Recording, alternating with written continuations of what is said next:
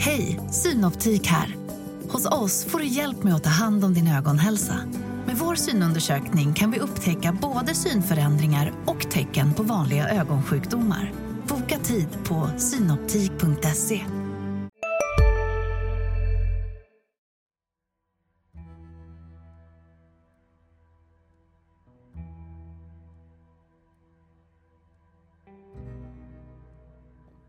Välkommen till ytterligare ett avsnitt med Studio Krim. Torbjörn Granström heter jag, kriminalreporter på Länstidningen. Jag sitter här med Stefan Lindström, kommunreporter. Hej hej.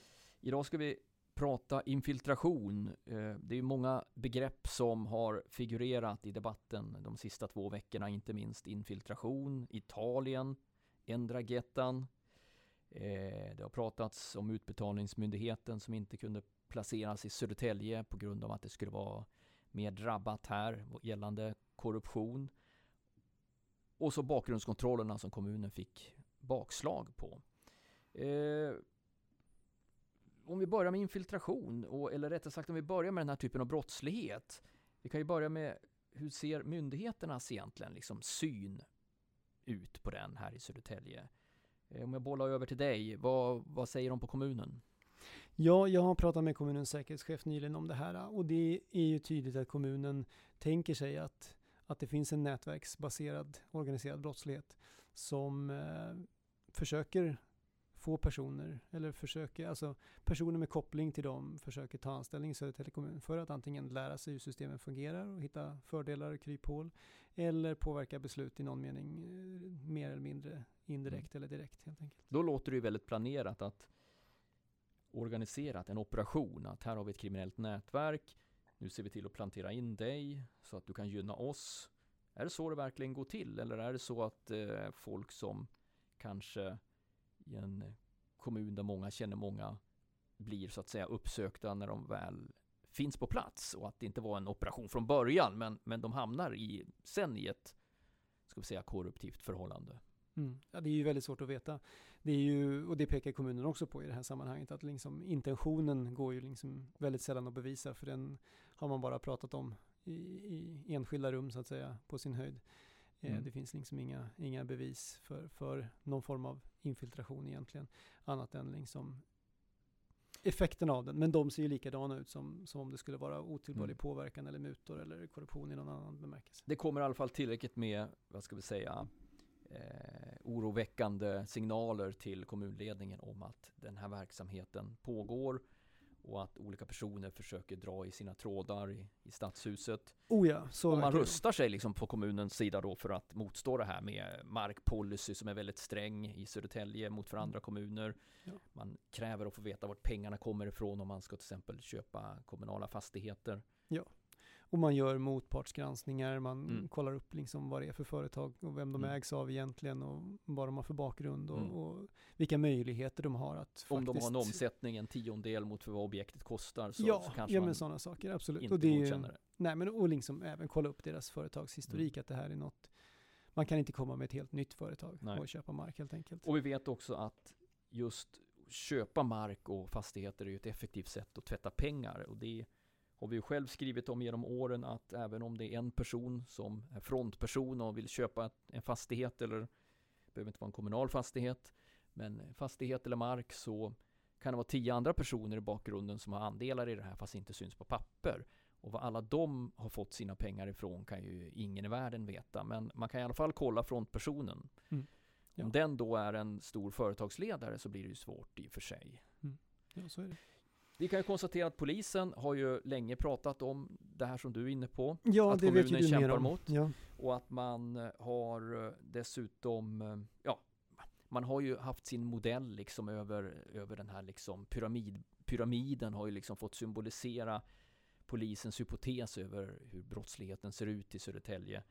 Den där har ju ändrats lite grann, uppfattningen om den från polisiärt håll också skulle jag säga under de här 10-15 åren som den har florerat. Eh, till en början så hade man en hypotes om att det kanske fanns mer hierarkisk styrning i den här bilden. Idag skulle jag snarare säga att polisen är inne på att man beskriver olika kriminella kluster i olika delar av samhällskroppen. Mm. Eh, gemensamt för dem är möjligtvis att eh, personerna finns någonstans i ett, med ena foten i den vita sektorn. I alla fall när vi pratar om de högre nivåerna som i mitten på den här pyramiden och uppåt. Då pratar vi om liksom företag, företagare, tjänstemän, den typen av liksom, personer. Där har man kanske en fot i den vita sektorn och en i den här svarta parallellstrukturen parallellsamhället skulle man kunna säga i mm. samhället som man beskriver. Längst ner har vi gatugangsters, det vill säga nätverkskriminella. Det är, det är liksom enkelt uttryckt, ja. så ser brottsligheten ut. Och när vi pratar då om den här brottsligheten med infiltration så pratar vi mittendelen eller den högsta toppen där alla, på något sätt att eh, det är svaga länkar, tjänstemän som är mutbara, eh, företagare som är beredda att tvätta kriminella pengar. Mm. Ungefär på den nivån är vi då liksom. Och, och, och Företag det, som startas för välfärdsbrott och, och, kunna mjölka samhällskroppen på ja. pengar på olika sätt. Och där skulle jag faktiskt vilja säga så här, på sista tiden så har man faktiskt hört politiker väldigt ofta prata om att nätverken infiltrerar välfärden, alltså nätverken, man pratar om gängen på gatan säger man, gängen säger man. Mm. Och att pengar från vår eh, välfärd går ut på gatan och används till kontraktsmord och sånt där. Det, det, den typen av eh, uttalanden har man hört i den politiska debatten. Det har jag reagerat i alla fall lite på. Jag tycker att okej, okay, har man hittat några sådana fall så är de ju jätteallvarliga. De ska absolut uppmärksammas och allt sånt. Men ofta ser det kanske inte riktigt ut så, utan i den mån gäng på gatan är involverade i välfärden så är det väl oftast via skenanställningar. Det vill säga, du får lön på papper, du blir kreditvärdig, du kanske kan ta lån, vilket du inte annars kan du kan leasa bilar och du kommer in i, i liksom välfärdssystemet och får del av dess fördelar.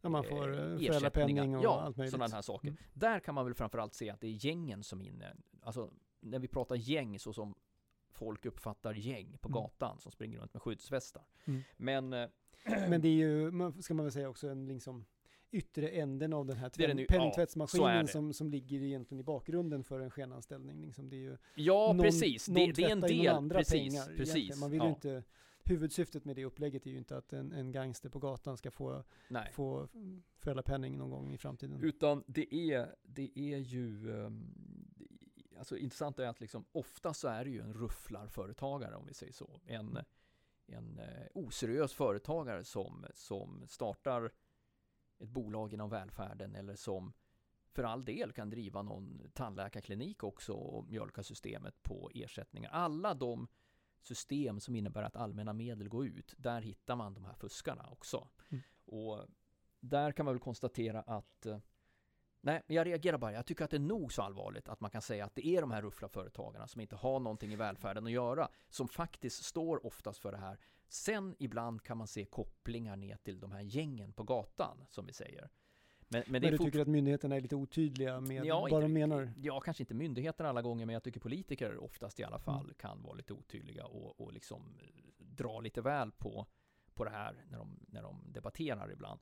Eh, men eh, sen finns det exempel där vi vet att liksom personer med koppling till kriminella nätverk på gatunivå har drivit HVB hem och tagit emot ensamkommande och sådana här saker.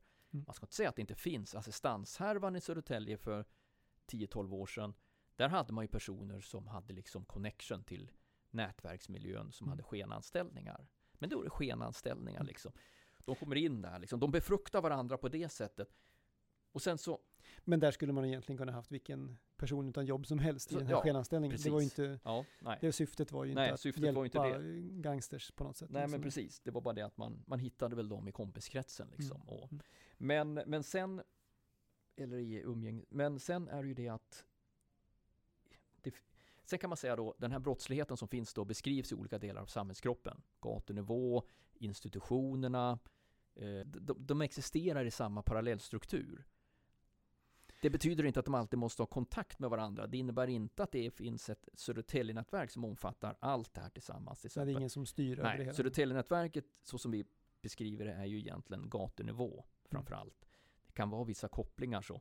Eh, men, men eh, ibland kan man ju se till exempel att oseriösa ska vi säga, rufflarföretagare på den här högre nivån eh, tar, tar, tar hjälp av folk på gatan.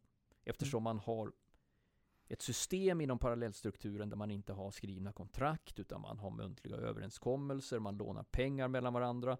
Det kan vara stora belopp, miljonbelopp. Mm. Om jag inte betalar tillbaka, jag lånar en miljon av dig och vägrar betala tillbaks det. Och då finns det även inom parallellstrukturen funktioner som är precis likadana som i det vanliga samhället. Någon kronofogde ja, motsvarande? Det finns kronofogdar där också. Och då säljer du kanske din skuld till Antingen tar du hjälp av dem, betalar mm. en sån kronofogde inom situationstecken mm, ja. som ska Driva tvinga mig att göra rätt för mitt, mm. för mitt lån. Eller också så säljer du den för halva priset. Ja, typ. Man får en del av pengarna. Ja, då får du åtminstone tillbaks då får du åtminstone tillbaks en halv miljon, säger vi i mm. det där exemplet. Och sen kommer, kommer den där kronofogden till mig och kräver mig på en och en halv miljon. Mm. Och då funkar det ju så att släkten och allting sånt där skramlar ofta till sådana här personer. Mm. Eller också försvinner de bara, det vill säga de flyr och drar ja, om de inte kan. Så det, det, är sådana här typiska fenomen som man kan se och där, där liksom man kan se till exempel att en företagare skulle kunna ta hjälp av den här nivån. Jag vill bara exemplifiera mm. liksom, men jag tycker ändå att när man pratar om att gängen kommer in i liksom välfärden så är det oftast inte så riktigt så klart, utan det är det är rufflarföretagare och det är nog så illa. Mm. Ja, De har ingenting i välfärden att göra heller så att säga. Och nåväl, sagt om detta. Um, men om vi kommer tillbaka till infiltration. Är det infiltration alla gånger, tro, som det här handlar om egentligen? Eller är det i själva verket så att eh, korruptionsbenägenheten i allmänhet i samhället har breddats. Vad tror du? Ja, jag skulle ju säga att liksom de faktiska fallen av, av medvetet liksom att ta anställning, eh, det är ju inga saker som kommer upp i, i liksom medier eller i domar i någon större utsträckning. Så det skulle jag ju säga är en mindre del, om jag fick göra någon gissning.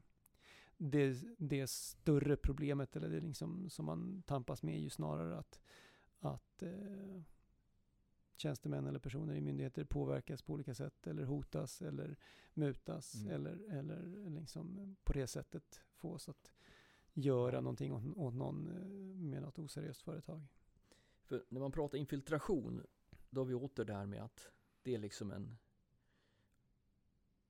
operation som verkställs. Liksom. Man, ja, man vill, vill infiltrera en organisation och så. Mm. Och och Men där det... tror inte jag alltid, och, och visst. Hej, Ulf Kristersson här. På många sätt är det en mörk tid vi lever i. Men nu tar vi ett stort steg för att göra Sverige till en tryggare och säkrare plats. Sverige är nu medlem i Nato. En för alla, alla för en. Vi är specialister på det vi gör, precis som du. Därför försäkrar vi på Swedea bara småföretag, som ditt. För oss är små företag alltid större än stora och vår företagsförsäkring anpassar sig helt efter firmans förutsättningar. Gå in på swedea.se företag och jämför själv.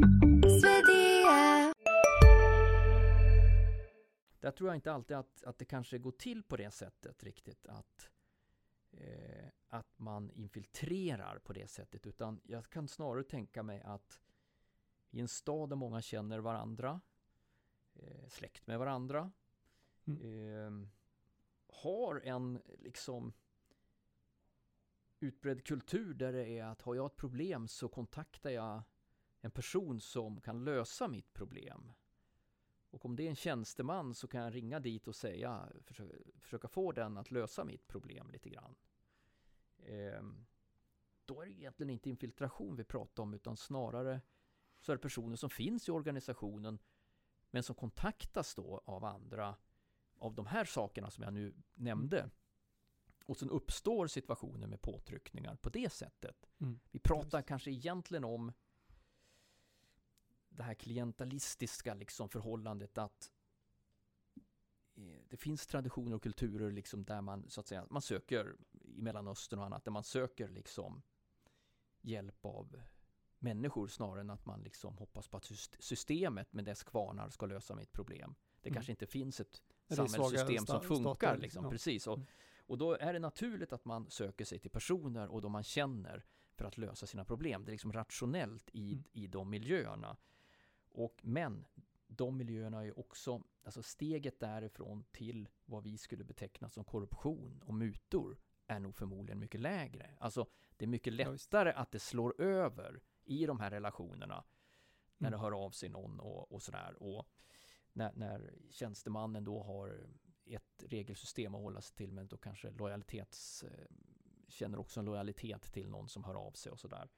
Så, Mm. så jag skulle säga att Ja, det finns Nej. stora risker med det, ja, och när man, pra man pratar om infiltration därför att det- här är lite grann, jag bara, ja, lite hypotetiskt så här, Mm. men det känns ibland som att man tycker från officiellt håll att det är lättare att prata om infiltration, för då pratar vi om kriminella och om kriminella kan vi säga det mesta. Men det Mm. blir, blir, blir faktiskt väldigt mycket mer känsligt om vi faktiskt konstaterar att, eller ha, som hypotes åtminstone, att korruptionsbenägenheten har breddats i samhället. Det vill säga det finns fler människor i dagens samhälle som är beredda att tumma på reglerna, kanske ta en muta och tjäna på det här själv. Mm. Och då har vi ju liksom, då stämmer det ju också lite bättre överens vad han, säkerhetschefen sa till dig också om att han hade ju sagt det att ehm, eh, vi pratade vid tidigare här med, med, det här med att bakgrundskontrollerna handlar ju också om att få veta om personer som har skulder eller kanske Ja, någon visst. dom i bagaget. Det vill säga, det är kanske en svag kugge i maskineriet då. Då, då bör man veta det, då kanske man inte ska sätta den på en strategisk roll i kommunen. Mm. Ja, visst. Och då handlar det egentligen om att värja sig mot en allmän korruption snarare än att värja sig mot en, alltså en infiltration. Ja, Det är det jag vill försöka Mm. komma till. Ja, nej men så är det väl lite. Om man tittar på det här med Utbetalningsmyndigheten och den infiltrationen så är det ju eh, om det är någon som verkligen försöker infiltrera Utbetalningsmyndigheten för att lära sig hur deras system fungerar och på så sätt runda dem, Mm. då, då infiltrerar man ju den precis lika bra i Södertälje som i Hammarby Sjöstad. Det spelar ju ingen roll var den ligger, liksom, om man vill att någon ska lära sig hur myndigheten fungerar på något sätt. Ja, och Eh. framförallt så är väl Utbetalningsmyndigheten någonting som ska administrera hela Sverige. Ja, absolut. det. Knappast eh, bara Södertälje så att säga. Så att Nej, i det det- fallet, om man pratar om en allmän Ja, det kan ju vara brottslingar från hela så- Sverige som skulle ja. vara intresserade av att, att ha kopplingar eller ha liksom Ja. en insyn i hur den myndigheten fungerar. Liksom. och pratar vi om en allmän breddad korruptionsbenägenhet så är det ju såklart så att då måste nog hela Sverige tänka till idag. Ja, men det är ju det de eh, menar också från, Mm. från liksom kommunen i Södertälje. Att eh, det, det är befängt att tro att, att den här liksom, eh, myndigheten inte ska kunna infiltreras bara för att den ligger i Stockholm. Liksom, alltså att Mm. problemet existerar eh, över hela landet på olika sätt och att de Mm. pekar på att det finns forskning som visar det också. Men sen är ju frågan, nu säger regeringen att Mm. vi lägger den inte i Södertälje därför att hos er är det värst liksom. Där, Mm. där eh, ni är den mest infiltrerade kommunen typ. Det lät ju Mm. lite så. Ja. Men säg den regering som någon gång har placerat en myndighet i en kommun med en annan partifärg och som dessutom alltid har en annan partifärg än det egna. Ja, det, visst, ja, det jag tror ju inte att en socialdemokratisk kommun hade placerat den här myndigheten i en borgerlig kommun om vi säger så. Och nu har vi en liksom, borgerlig regering, Mm. de kommer inte placera den i, i Södertälje och det beror nog mest på att det här är en sossekommun. Så kan det vara. Så kan det vara. Så det tror jag i alla fall.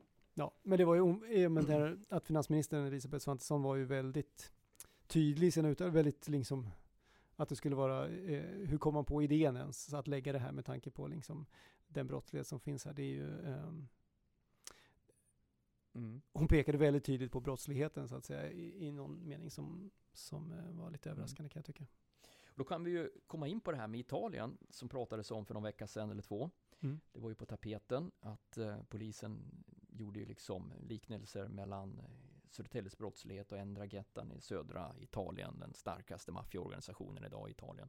Mm. Eh, jag pratade med polisen om det här och vad man var noga att säga var ju att det här var ju vad italiensk polis hade sagt. De hade gjort kopplingar med att den brottslighet ni från Södertälje beskriver är mest lik vår beroende på att ehm, det finns släktband och det finns liksom kulturella band och beteenden som det här klientalist, säger, klientalistiska beteendet, jag vet inte om jag uttalar det rätt, men att du liksom snarare söker dig till att hoppas att personer ska lösa dina problem lite grann. Eller, eller den typen av nätverks connection liksom mellan Mm. människor snarare än eh, att man vänder sig, förlitar sig på systemet liksom. Mm. Och Men det var det som man återfann i, i södra Italien? Ja, och det, inte, det är det man gör liksom. Mm. Återfann det liksom i södra Italien och där kunde man väl se likheter och när jag pratade med polisen så sa de att liksom det, det här kommer inte att, it, att vi liksom pratar med italienarna om det här det kommer inte liksom påverka eh, mer än på marginalen vårt arbete i Södertälje. Dels har man ju så många år bakom sig och så utan vad de tror snarare kommer att påverka liksom det här vad ska vi säga, arbetet mot den ekonomiska brottsligheten det är snarare det här äh, mellankommunala samarbetet. Man har utökat den här myndighetsgemensamma insatsen Ragnhild nu Mm. till att mm. omfatta inte bara Södertälje utan fler Mälardalskommuner. Ja, visst. Ja. Och det är ju att de här rufflarföretagarna vi var inne på, Ja, de flyttar. när de kliver över gränsen till nästa kommun när de har, känner att det, det är för svårt i Södertälje så, så följer liksom, ja, följer myndigheten efter. Mm. Och min gissning är ju att det här kommer ju förmodligen bara det här klustret av kommuner som ska jobba så här emot brottsligheten kommer ju bara växa. Ja, visst. Ja, visst. Och, Det måste du göra ja, på något sätt. Och det kan bli intressant när småkommuner i det här landet som Sandviken och andra, Mm. eller vad man nu kan tänka sig, där det har bara skjutits, eh, snart kommer märka ungefär samma saker. Mm. Eh, då behöver de nog en större organisation runt om sig för att liksom kunna parera den här typen av problem. Ja, visst. Och man behöver inte gå till ställen där det har skjutits. Det kan ju bara titta på grannkommunerna här, liksom Ja. Trosa, Gnesta. Ja, ja. Det, det finns väldigt små kommuner nära Södertälje som då ska liksom behöver hantera den här problematiken med Absolut. samma sorts organisation liksom och så som man har jobbat med i Södertälje under många år och, och liksom Mm. Där man, eh, ja, det ska vara flera människor kring beslut och det ska vara liksom robusta regelverk och rutiner som gör att man eh, Ja. inte kan liksom få igenom beslut på något konstiga sätt. Och då kan man väl säga att de här, vad ska vi säga, jag har kallat dem liksom rufflarföretagare, Ja. men, men de som står med ena foten i den svarta och andra i vita sektorn och som myndigheterna tittar väldigt misstänksamt mot. De har ju en tendens att nosa upp de här svaga länkarna i organisationer och de är väl inne på det där liksom att med, med liksom lägre korruptionströsklar så, så är det lättare att hitta rätt ingångar. När man väl hittar liksom en korrupt Ja. tjänsteman, då, då sprids det jäkligt snabbt. Och det behöver inte bara vara i kommunen. Vi har exempel i den här stan med korrupta banktjänstemän Ja, eh, som många har utnyttjat. Må, För- många människor har ja, utnyttjat så fort, samma så fort, så fort det som- liksom blir klart att den här banktjänstemannen kan du, kan du muta, då, då är det många som, då är det liksom flugor till en sockerbit effekt. Mm. Och eh, du har ju exempel i Stockholm, vid Sveavägen så var det ju en läkare som eh, skrev ut i princip eh, intyg och olika former av mediciner till och dopingpreparat till kriminella. Det var ju mängder av kriminella nätverk eller personer från de kriminella nätverken Ja, som hela hittade den här direkt. liksom, hela. Stockholmsområdet som hittade den här personen. Det var en dom som liksom föll ut i Mm. inom ramen för Södertälje tingsrätt så tror jag. Eller kanske var Stockholms tingsrätt. Ja, eh, jo det var det. Men, eh, men man ser liksom att de har en oerhörd tendens att hitta de här svaga länkarna och det är klart att det är det då kommunen menar att om de i sina bakgrundskontroller kan hitta de här svaga länkarna via sina bakgrundskontroller så, så kan de placera dem på rätt plats. De behöver inte sitta på någon strategisk plats. Man Ja. har en medvetenhet om dem. Det är kanske så man tänker. Sen kan jag tycka att Ja, och de är ju också inte lika lätta att muta om, om kommunen känner till det här och liksom att det är någonting man kan prata öppet Mm, om mm. med sin arbetsgivare, att man har en dom för det är så man säger från kommunens sida i alla fall. Ja, absolut. Men det, och det är liksom, ja det finns ju ingen anledning att, att eh, bara för att det finns sådana här liksom, bakgrund, man har någon Nej. dom mot sig eller någonting oegentligt kring ekonomin eller narkotika, så betyder inte det att man inte får jobba, utan då Mm. känner arbetsgivaren till det här så kan Mm. man ju liksom, ehm, Fast det här med att de säger att eh, betyder att man inte får jobba, det är någonting de har kommit med på slutet eller? För det var väl det som kom, var lite kritiken. Att eh, folk måste få en andra chans till exempel, om de hoppat av någonting och så. Eller? Ja, ja, alltid nej, nej, nej, nej, nej Ja. men eh, då kanske jag mm, eh, sa fel i sådana fall. Nej, men alltså, det betyder ju inte att man inte kan få en anställning. Alltså, man kan ju fortfarande jobba i kommunen även om man har domar mot sig. Eh, Mm.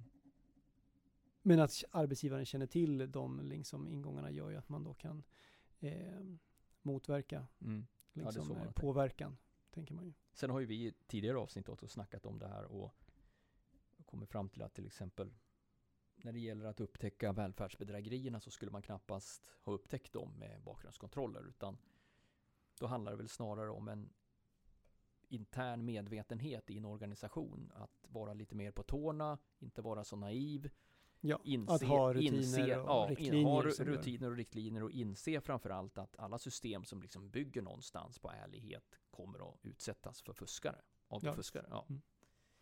Ja, det är ju liksom ökade kontroller både utåt och, och så. Det kan man ju se på, på många områden liksom där det har funnits någon form av, Mm. som du säger, sådana här förtroendesystem. ja, jag tror att eh, med det så kanske vi ska runda av det här avsnittet. Mm, det låter bra. Vi tackar för oss på Studio Krim. Torben Granström heter jag och Stefan Lindström. Tack, Tack. och hej. Tackar, tackar.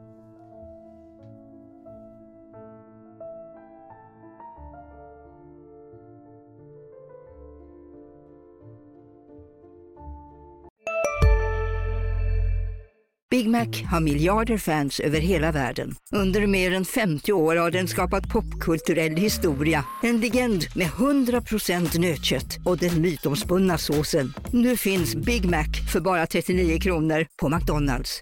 Hej, Susanne Axel här. När du gör som jag och listar dig på en av Krys vårdcentraler får du en fast läkarkontakt som kan din sjukdomshistoria. Du får träffa erfarna specialister, tillgång till lättakuten och så kan du chatta med vårdpersonalen. Så gör ditt viktigaste val idag, lista dig hos Kry.